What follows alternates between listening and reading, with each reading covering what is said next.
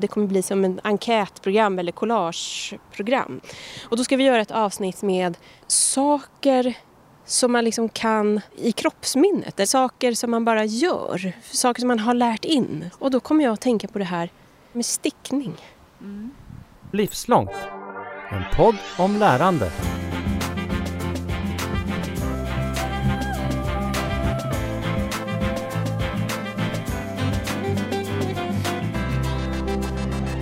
Tänker du på då? jag tänker på hur jag själv kan sticka utan att titta ner. Mm. Ja, men det kan man ju. På något konstigt sätt. Jag är jättedålig på att... Eh, när jag stickar räta och aviga maskor så kan jag göra det jättesnabbt. Och så ska man göra typ aviga i bakre maskbågen och sådär. En vriden avig? Ja, precis. En vriden avig. Då gör jag fel hela tiden. Alltså, så fort hjärnan kopplar bort, då börjar jag eh, sticka enligt liksom mitt, min, mitt ryggradsminne igen. Så då måste jag vara helt aktiv i mitt stickande, vilket jag är helt ovan vid. När började du sticka? Hur länge har du hållit på? Min mormor lärde mig att sticka när jag var kanske 6-7 år. Um, och då var det ju jätteroligt att sticka. Men sen kom det väl en tid när det inte var så tufft att sticka. Då gjorde jag inte det uh, under tonåren, eller tidiga tonåren. Ehm, men sen så tror jag att min mamma fick in mig på att sticka någon så bebiströja åt någon av hennes kompisar som skulle få, få barn. Ehm, och då kom jag tillbaka i det och, och plötsligt då började jag sticka grejer till mig själv. Alltså som 18-19 års åldern. Det var mycket slipovers och sådär. Eh, och sticka slipsar. Och, om man var lite indie så funkade det liksom. Ehm, och nu har jag väl de senaste åren stickat varje dag och kan inte sluta. Eftersom att jag också lärde mig sticka när jag var väldigt liten och jag var ju rätt dålig på det då mm. så märker jag ibland att jag har kvar min barnsyn på hur det är att sticka och huruvida jag kan sticka. En slags tveksamhet som har med hur jag lärde mig då. Det där tycker jag är en intressant grej. Känner du av den grejen? Eh, ja, det kan jag väl göra fast jag tror att för mig är det snarare tvärtom. Det här har ju hängt med mig under så lång tid. Eh, så att det känns som någonting som jag kan fast jag knappt fattar hur. Numera så stickar jag ofta efter mönster och så eh, kommer det tekniker som jag aldrig har provat förut. Och så kollar jag på något Youtube-klipp eller eh, frågar i någon kompis chatt eller vad det nu kan vara. Och så eh, klarar jag av det. Och så tänker jag bara så här, vad mäktigt det är att jag, det här kan jag och eh, så kan jag göra de här sjukt svåra grejerna också. Trots att det här har funnits med mig så himla länge och är en basgrej i livet så kan jag liksom bli bättre på det och vara så lite proffsig. Har du lärt någon annan att sticka? Um, ja, det har jag. Jag har lärt uh, en kompis att sticka. Men jag har också misslyckats med båda mina barn så långt. Uh, ingen av dem är någon stickare. Men ja, vi får se. Det kanske blir någon indie-slipovers eh, för dem också i tonåren. Man kan hålla tummarna för det i alla fall. Jag heter Hanna Kastås och eh, jag är digital nomad och uh, är jättebra på att köra bil och sticka svåra grejer efter ett tag.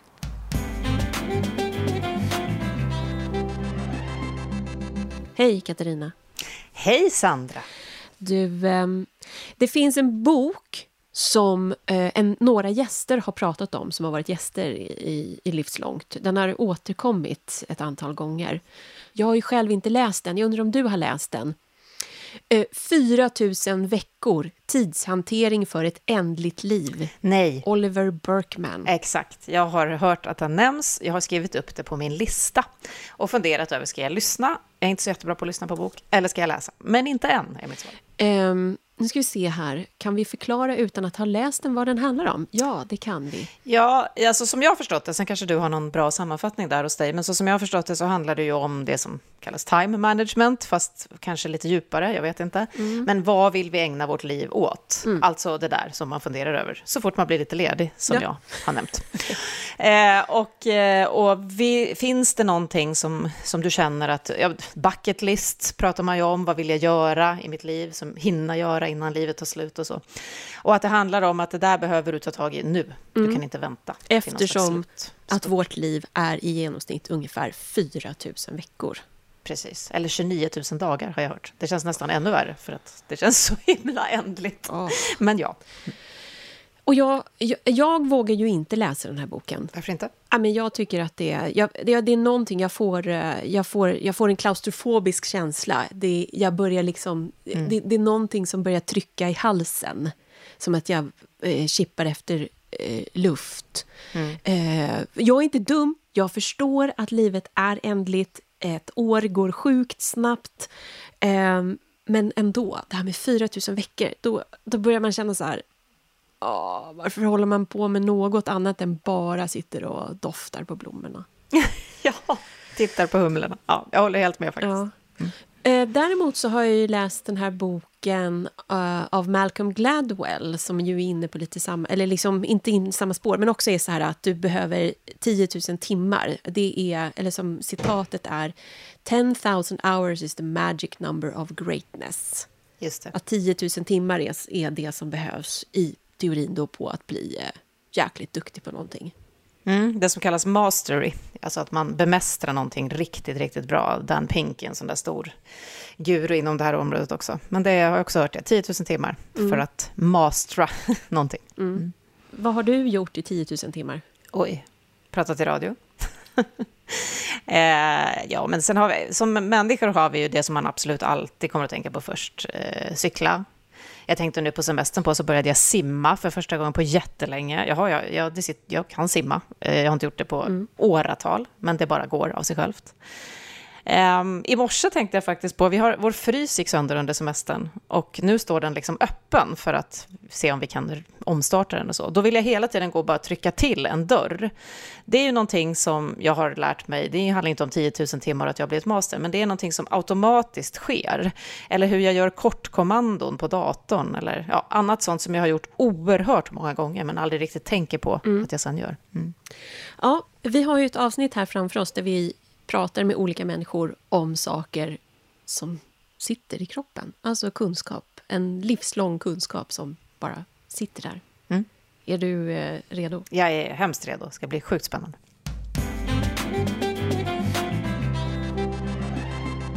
Hej, jag heter Elinor Werner och eh, kommer från Stockholm men bor i Umeå just nu. Vad har du för typer av kunskaper som du känner bara sitter i kroppen? Dans. Jag säga sitter bara i kroppen. Eller det sitter väl lite visuellt också. Alltså jag kan föreställa mig hur en dans skulle se ut. Men sen så finns det också dans som bara kommer när man dansar, som man typ inte planerar. Och det känns ju verkligen som att det är något som sitter i kroppen. Du nämnde att du spelar gitarr. Ja. Hur mycket skulle du säga att det sitter i kroppen? Inte mycket alls och det är därför jag är ganska dålig på gitarr. För att det är fortfarande ganska mycket huvud där. Och planera och försöka tänka ett steg före. Vad ska jag spela härnäst? Och då är man nog inte en så bra gitarrspelare om man måste tänka så mycket. Då tror jag inte man kan spela så snabbt eller liksom flödigt som riktigt bra gitarrspelare gör. Då tror jag att liksom, det är någonting som övergår från huvudet till kroppen. Och det är det du känner, den känslan kan du känna när du då dansar? Att du Ja. på något sätt kan koppla det här, det visuella med det som blir det kroppsliga? Jag känner en, eh, en självsäkerhet och jag känner eh, eh, mig trygg i att improvisera. Eh, det är liksom de färdigheter som man känner sig trygg i. Trygg att improvisera med. Och sen så gäller det att hålla ett ganska högt tempo. För, att, för att inte fastna.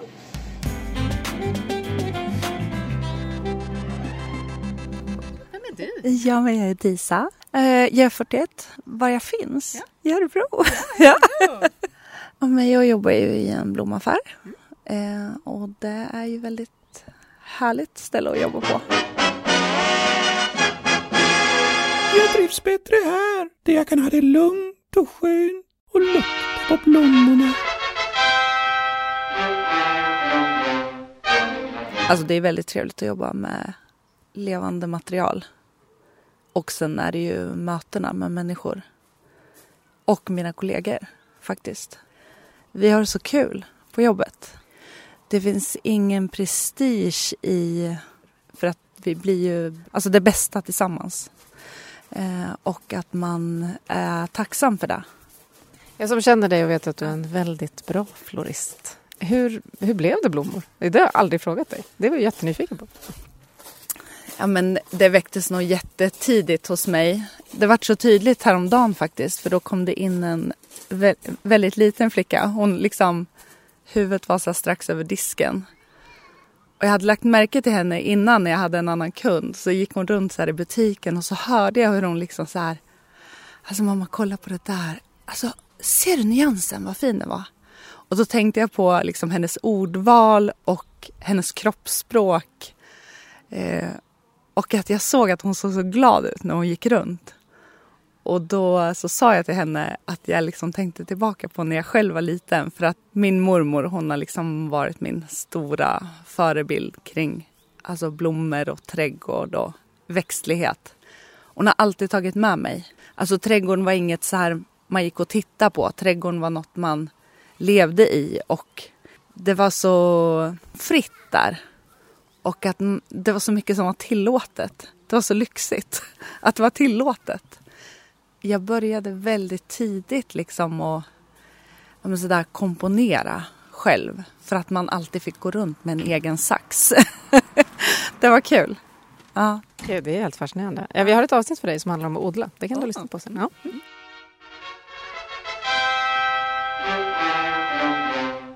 Vad tycker du att du liksom har lärt dig av att jobba med det här fria och levande materialet blommor? Jag tyckte det var ganska liksom jobbigt i skolan. Nästan med alla ämnen förutom där, där jag fick liksom jobba väldigt mycket med händerna. Typ på syslöjden och hemkunskapen när man fick laga mat och baka. Och ju mer jag jobbade med blommor och så, så kände jag så här, men det här, jag blir bättre och bättre. Och framförallt att jag blir tryggare. Eh, och när jag känner mig trygg så vågar jag lita på att jag gör ett bra jobb. Det var en skön känsla. Att liksom typ hitta något som man blir bra på. Det är väldigt mycket saker som jag inte känner mig bra på. Men det här känner jag mig bra på. Hur har utvecklingen sett ut då, om du tänker från när du gick med saxen i mormors trädgård till när du nu får en, en, ett uppdrag från en kund? Det är ganska intressant sen, för vi har mycket praktikanter som går liksom utbildning nu och läser till florister. Och så liksom försöker man peppa dem så här att de ska dokumentera och ta kort på allt de gör. Och ja, men en del säger nej, nej, men jag vet inte om jag varit så nöjd och så här. Nej, men dokumentera det ändå. Det är liksom ändå bra. Alltså när jag tittar tillbaka på sånt som jag gjorde när man var ny. Jag kunde ändå känna mig nöjd över vissa saker. Och så när jag tittar på det idag så blir jag så full i skratt hur jag kunde tycka att det var bra. Men sen så kan man ju också se det ifrån, alltså rent tekniskt. Att liksom, ja men det kanske var bra tekniskt. Sen är det ju inte kanske att man tycker att det är snyggt. Men blommor ändrar ju också, ja men precis som om du tittar på klädmode när du var liksom för 20 år sedan. Då tyckte du kanske att du var ganska snygg. fin i de där kläderna och så inser man nu att nej, så snyggt var det inte. Och det är samma med blommorna liksom. Det ändras ju det också. Du kan se din egen utveckling? Ja, absolut. Det tar liksom aldrig slut. Man känner att man utvecklas hela tiden men jag känner att jag... Det är inte heller att jag känner mig klar eller färdig nu. Utan det, det fortsätter ju utvecklas hela tiden. Det är jättefint att ha praktikanter tycker jag. Som liksom går utbildning nu.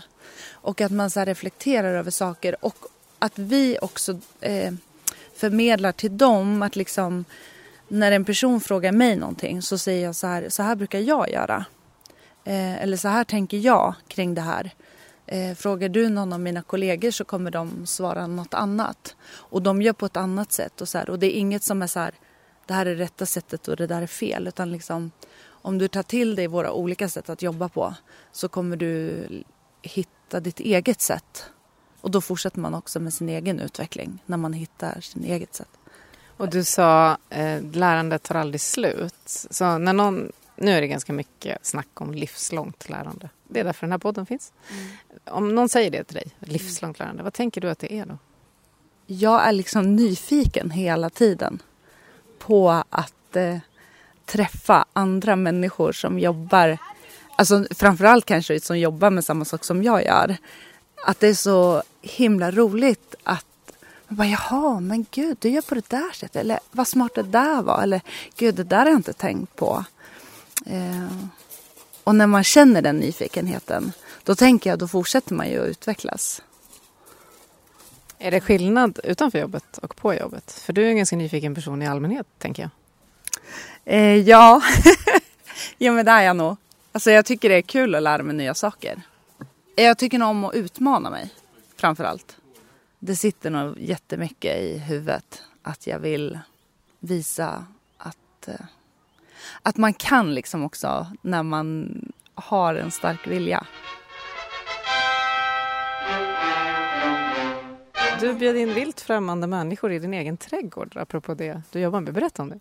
Ja, men det hörde jag ju om på radio. Men jag bara kom in mitt i ett radioprogram och så handlade det om en tjej i Stockholm som eh, ja, men hade stått i kö liksom för att få en kolonilott och att det var liksom flera års väntetid. Och så startade hon någon eh, organisation kanske eh, som hette CoGrow och jag blev jättenyfiken och googlade på det. Och så gick jag in på den sidan och hittade jag är heller inte så bra liksom. Jag är inte så bra på att googla, jag är inte så bra på det digitala så. Men hittade i alla fall den där sidan och hittade en tjej som sökte en plats att odla på här i Örebro.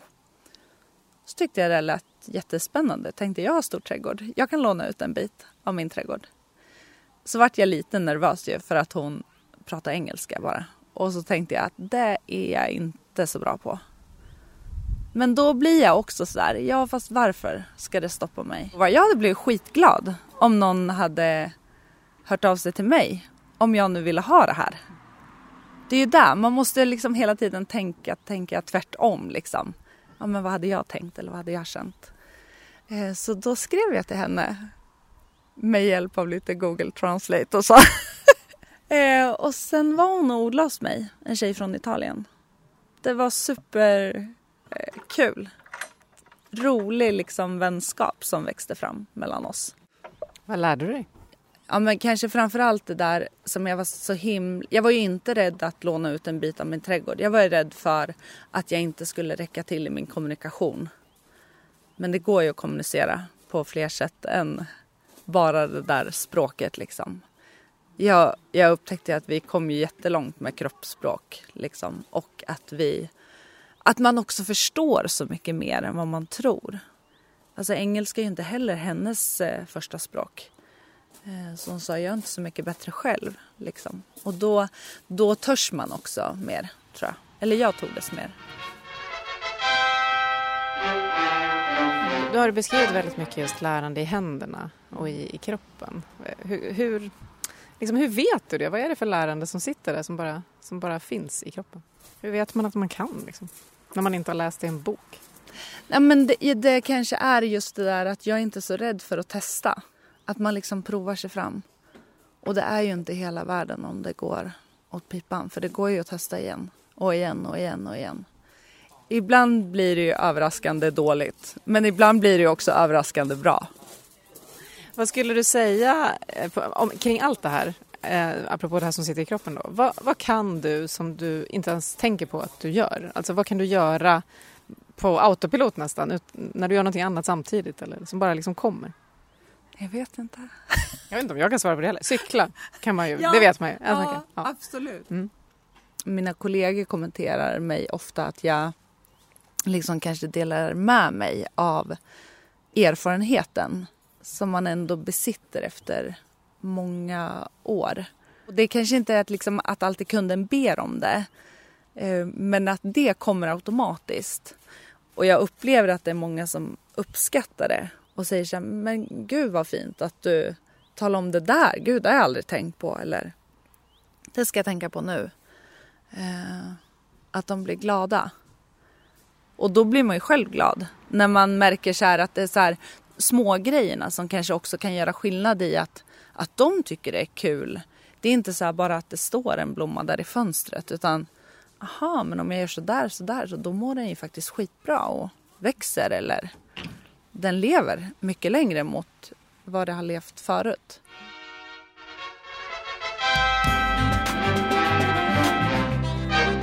Eh, En kortis om vad du är bra på att göra med händerna utan att tänka på exakt hur du gör. Ja, det, är ju, eftersom jag arbetar som musiker och, och äh, spelar altfiol så är det ju det, i, i det dagliga arbetet det är ju hela tiden en massa gestik och saker som för att, eh, för att göra, för att få det sound man vill ha, för att spela den ton man vill så ingår ju alltid en gest. Och den här gesten har man ju övat sen den har jag övat sen jag var, i princip sen jag var sex år gammal. Allt det tänkande som jag har samlat på mig nu fram tills jag är 49 finns ju på något vis samlat i, i alla de här gesterna som, som jag gör. Och som, så det är ju saker som bara flyter på. Jag behöver ju inte... Ja, det är ju så. Det sitter ju i kroppen. Alltså bara sitter i kroppen. Det här är ju komplicerat för mig som psykolog. För jag tänker så väldigt mycket att det här med kropp och eh, psyke och eh, själ och hjärna, att det väldigt mycket är ett. Så är svårt att skilja på det. Men, men sånt som man kan känna väldigt tydligt sitter i kroppen, det tycker jag ändå är musik till exempel. Jag spelar ju cello, det är ju mitt instrument. Och det är klart att det har varit en massa tankeverksamhet för att lära sig det. Men när det verkligen flyter på och samspel med andra och när tekniken går före tanken, då upplever jag att det sitter mycket i kroppen.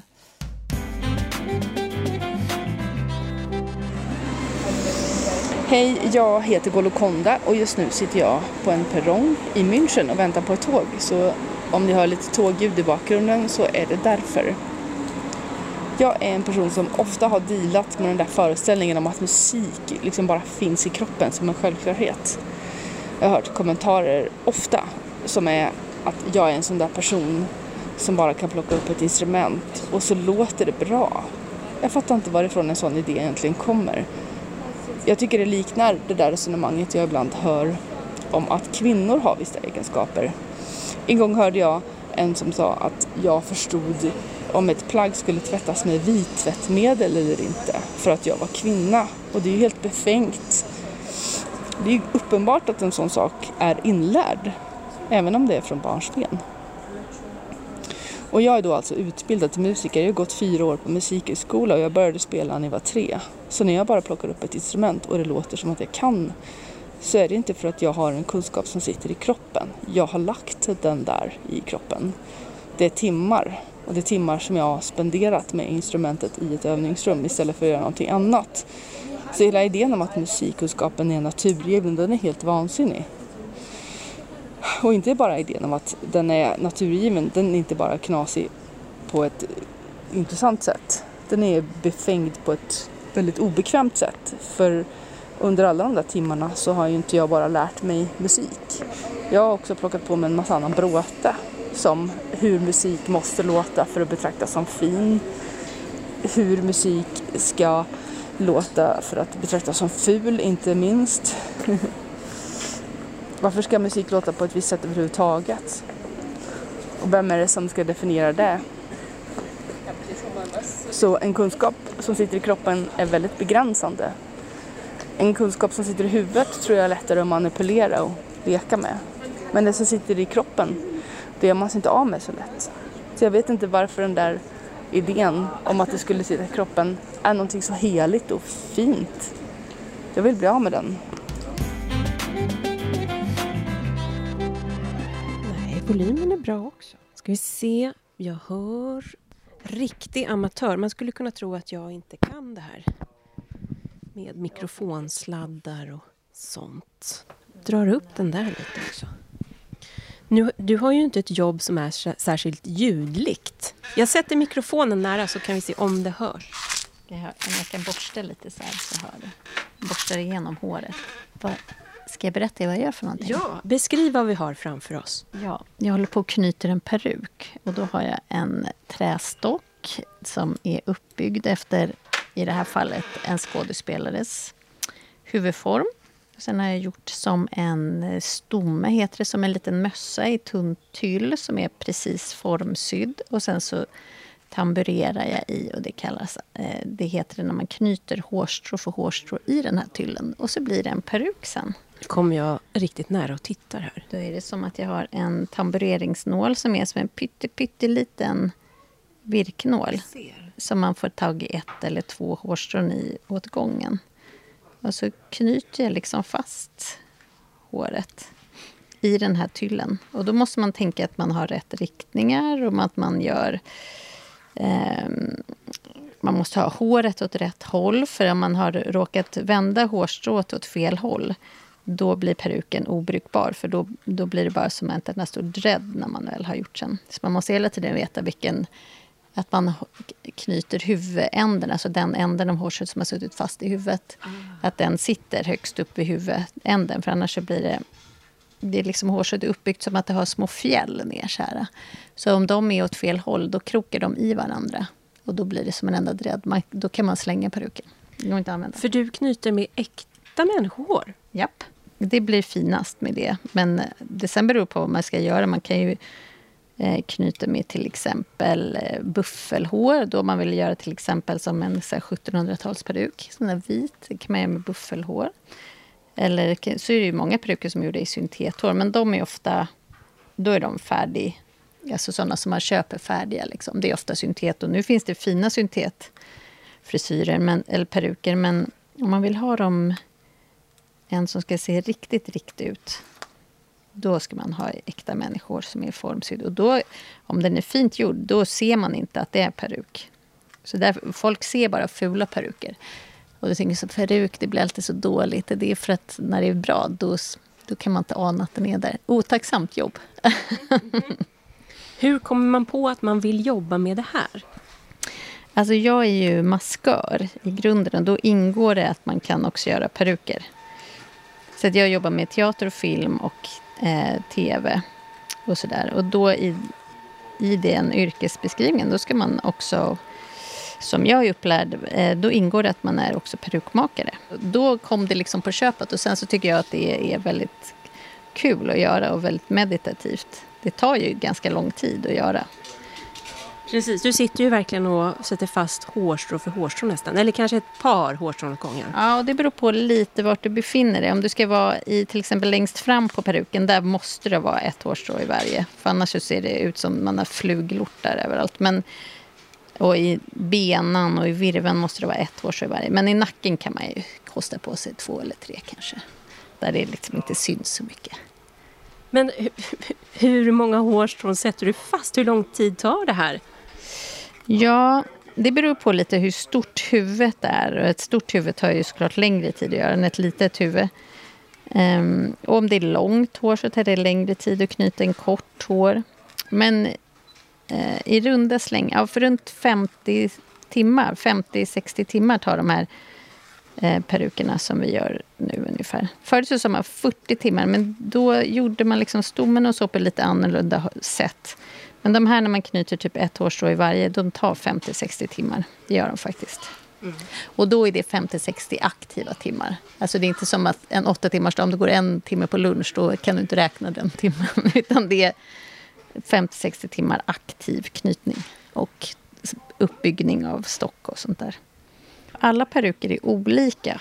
Så det beror på ibland. Det här är ju inte en hel peruk som du ser, utan det här, den går bara hit. Så det här kommer bli en halv peruk, och så kan man, eller kallas en halv peruk. Så då använder man den här skådespelarens egen front. Så mm. då slipper man liksom eh, vara orolig för att det ska synas som tyll eller någonting. Så då har man, sätter man eget hår här, så har man den här egna. Så kommer den här skådespelaren få längre hår än vad han har det på riktigt.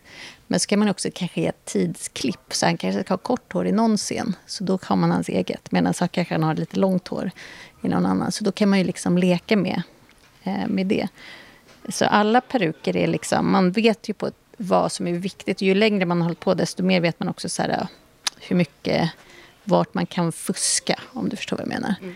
Hur lång tid skulle du säga det tog innan du kände att det satt i ryggmärgen? Ja, det tar ett tag alltså. Jag vet inte. Det, det, ja. det kanske tar tio år. Fast då, jobb, då jobbar jag inte bara med perukmakeri, utan då jobbar jag med allt annat. Men man måste ha gjort ett visst antal peruker för att känna liksom, att man behärskar det. Det tycker jag nog.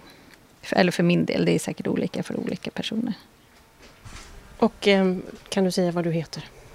Jag heter Erika Niklasson. Tack! tack, tack.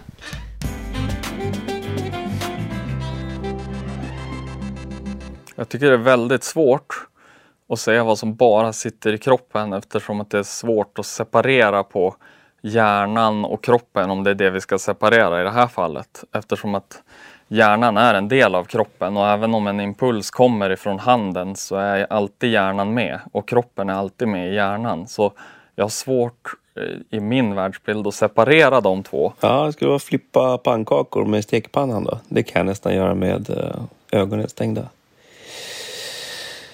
Många års daglig träning. och en sexåring.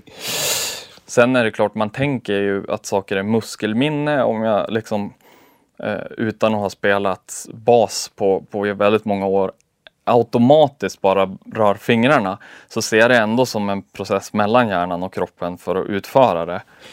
Jag tänkte på det här med att skriva på tangentbord.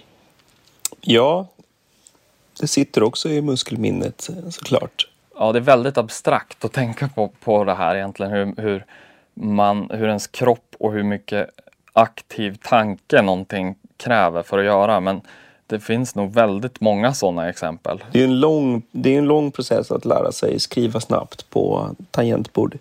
Vid något tillfälle så övade jag på det eh, för att faktiskt bli snabbare. Och det gör ju ganska stor skillnad faktiskt när man koncentrerar sig på att lära sig någonting och också se resultat. Säkert att jag blivit bättre på att liksom äta pizza också. Sådana där grejer. Eller eh, hur jag sätter ner fötterna när det är isigt ute att jag går på liksom olika sätt om det är halt eller inte för att ja, inte halka och sådana där grejer som man som lär sig men inte riktigt tänker på. Är du lika snabb på backspace om du skriver fel? Eller skriver du inte fel? Jo, man skriver ofta fel. Det måste ju också sitta att man känner när man trycker fel snarare än att man ser att man skriver fel. Så att eh, man märker egentligen att muskelminnet gör fel och så korrigerar man det utan att uh, använda synen då helt enkelt. Sen, just det, och sen har jag också när jag, eftersom att jag jobbar med ljud, så har jag också en, en liksom inlärd grej som jag blivit medveten om och det är att jag börjar andas väldigt tyst när jag spelar in någonting. Det är nästan så att jag liksom eh, håller andan eh, för att inte störa inspelningen. Och om jag pratar in någonting eller läser in något som jag gör ibland, eh, då eh, tänker jag väldigt mycket på konsonanttrycket. Att jag har eh, liksom ett, ett ganska konstant konsonanttryck, att det inte blir hårda puffar. Jag tänker på S-ljud, att jag inte har så skarpa S eh, fast utan att tänka på det. Så det sker som automatiskt när jag spelar in och det påverkar också hur jag pratar eh, till vardags. Att jag har liksom, ja, jag förändrar något slags mönster. Eller, ja, och då blir det ju kroppsligt. Men det är också hjärnan. Ja. Det är egentligen en rätt knäpp kunskap att ha. Ja, absolut. Men det, man kan testa det genom att bara, om man är van att skriva på, på dator så, så kan man ju testa att blunda bara. Man kommer ju märka ganska snabbt att man ibland skriver fel. Och framförallt att man blir osäker på om det blev rätt. Och då kanske tittar om det blev, om man behöver korrigera. Ja, brukar du blunda ibland? Eh, nej, ganska ofta så tittar man ju bort från skärmen Eh, eller så kommer det någon och pratar med en och så fortsätter man skriva och så, så liksom fortsätter man skriva samtidigt som man försöker föra en konversation. Det kan inte gå så bra något av dem då. Eh, vi ska prata om livslångt lärande. Jag med, med Kalle Palm. Vem är du? Oj då. Eh, det var också en fråga. Eftersom du frågar vem är jag? Det handlar om identitet. Jag har precis läst eh, en bok av Gert Bista där han mer intresserar sig för subjektivitet än identitet. Alltså vad man gör. Jag kanske tar den frågan istället. Det kan vi göra. Vi behöver bara någon slags namn och ålder om du vill och ja, var du finns. Ja, precis. Ja. Okej, okay, då, då heter jag Karl Axel Palm efter morfar och farfar.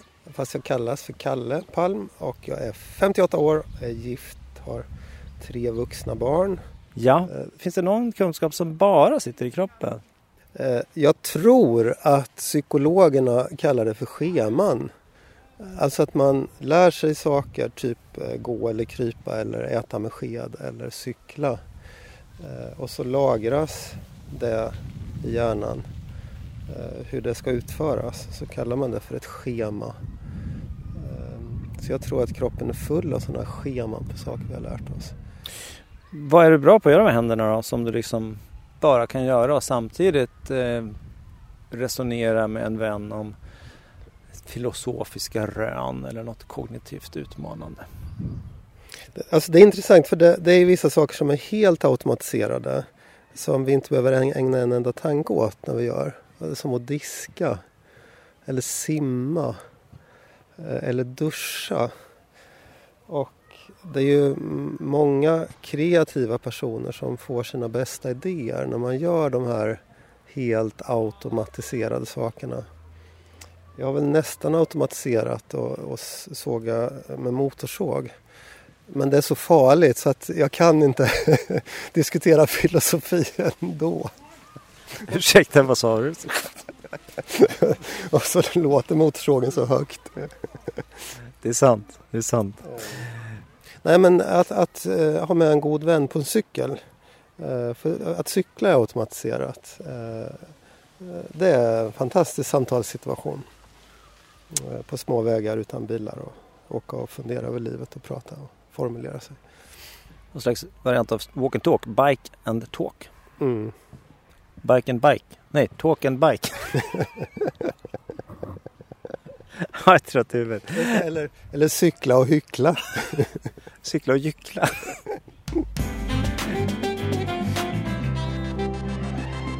Den här sommaren, eller egentligen så har jag ju tänkt på det ända sedan jag fick barn nu för några år sedan. Men den här sommaren så har jag verkligen tänkt på det här med att se barn lära sig saker. Mm.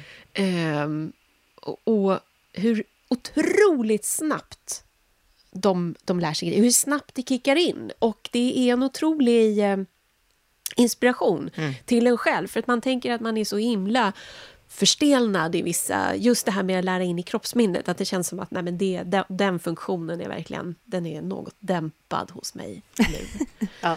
Eh, men så, så har jag iakttagit här... Jag har ju försökt prata med mitt barn för att fråga om hon vill berätta om det här, men... Får jag fråga dig en sak då? Vad? Eh, hur gammal är du? Sex. Håller du på att lära dig simma ju? Hon vill inte riktigt vara med. Ehm, eh, men hon, hon håller ju nu på att lära sig simma den här sommaren. Ah. Och eh, då har ju hon gått i, i simskola i flera omgångar. Eh, och det har gått sådär. Men hon har ju någonstans lärt sig simtagen. Men det har ju inte alls klickat. Men nu, den här sommaren, är det så fantastiskt. För att för varje gång hon är i vattnet så bara använder hon de där simtagen som hon övade för över ett år sedan. Och då tänker jag, det kanske finns någon slags hopp även för mig. I dina simtag? Ja, dels simtagen, men jag tänker sådär, om jag provar att, att röra mig lite snabbare än sävlig promenadtakt så kanske det finns någon slags muskelminne som bara kickar in här så att jag plötsligt börjar jogga. Jag vet inte. Jag tänkte just på simtagen metaforiskt. Nej, men jag tycker det där är så fascinerande. Dels så håller jag med dig. Jag har ju också tittat på mina tre kids. Hur lär de sig saker? Och så tänker jag just på det du säger nu att när ditt barn får eh, känslan av att nu kan jag använda det här till något som jag vill. Jag vill ta mig fram i vattnet, jag vill flyta, jag vill bada, jag vill vad, vad, hon nu, vad som nu händer i det här sammanhanget. Då kommer den där teoretiska kunskapen i spel.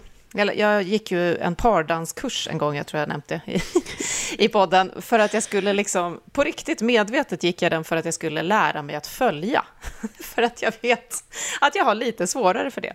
Det hade jag då också, det var bara en, en kurs. Men då, då tänkte jag just på det att först kommer tekniken och sen måste du släppa den och känna vad du vill göra av den så att det blir en dans. Mm. Och det här tänker jag också på med allt det här att när du liksom går simskola eller när du går teoretisk kunskap och får in och du kanske inte känner vad du ska ha det till, så inte förrän den känslan kommer mm. så kickar det in. Och så tycker jag att jag lär mig saker nu också på sätt. När jag behöver en kunskap så hämtar jag den. Och då är det bra att jag har simtagen i botten. Så du kanske börjar jogga för att du har dem i botten. Mm. I och för sig, vi kommer ju göra ett avsnitt här nu eh, om att köra bil. Just det. Så eh, vi kommer ju in på det här igen, mm. delvis. Låt oss återkomma då. Ja, det gör vi. Och det var allt för det här avsnittet av Livslångt. Tack för att du lyssnade. Hälsar vi som har jobbat och det är då Katarina Petschak, Jonas Edlund, Fredrik Trella och så jag, Sandra Löf. Någonting som jag har satt i kroppen efter många års arbete är det här förmågan att veta hur många minuter som har gått. Ungefär. Jag eh, har jobbat många år som journalist och är nu lärare och eh, efter det så blir man en deadline-människa och eh, har man suttit med ett antal nyhetssändningar och lektioner så kan man i princip känna att nu är det tre minuter kvar och så är det det nästan alltid. Det är otroligt användbart och det är ett sånt här fysiskt kroppsminne som jag har. Du har just hört Livslångt, en podd från RISE om allt det där man lär sig i livet. Vi hörs om en vecka igen.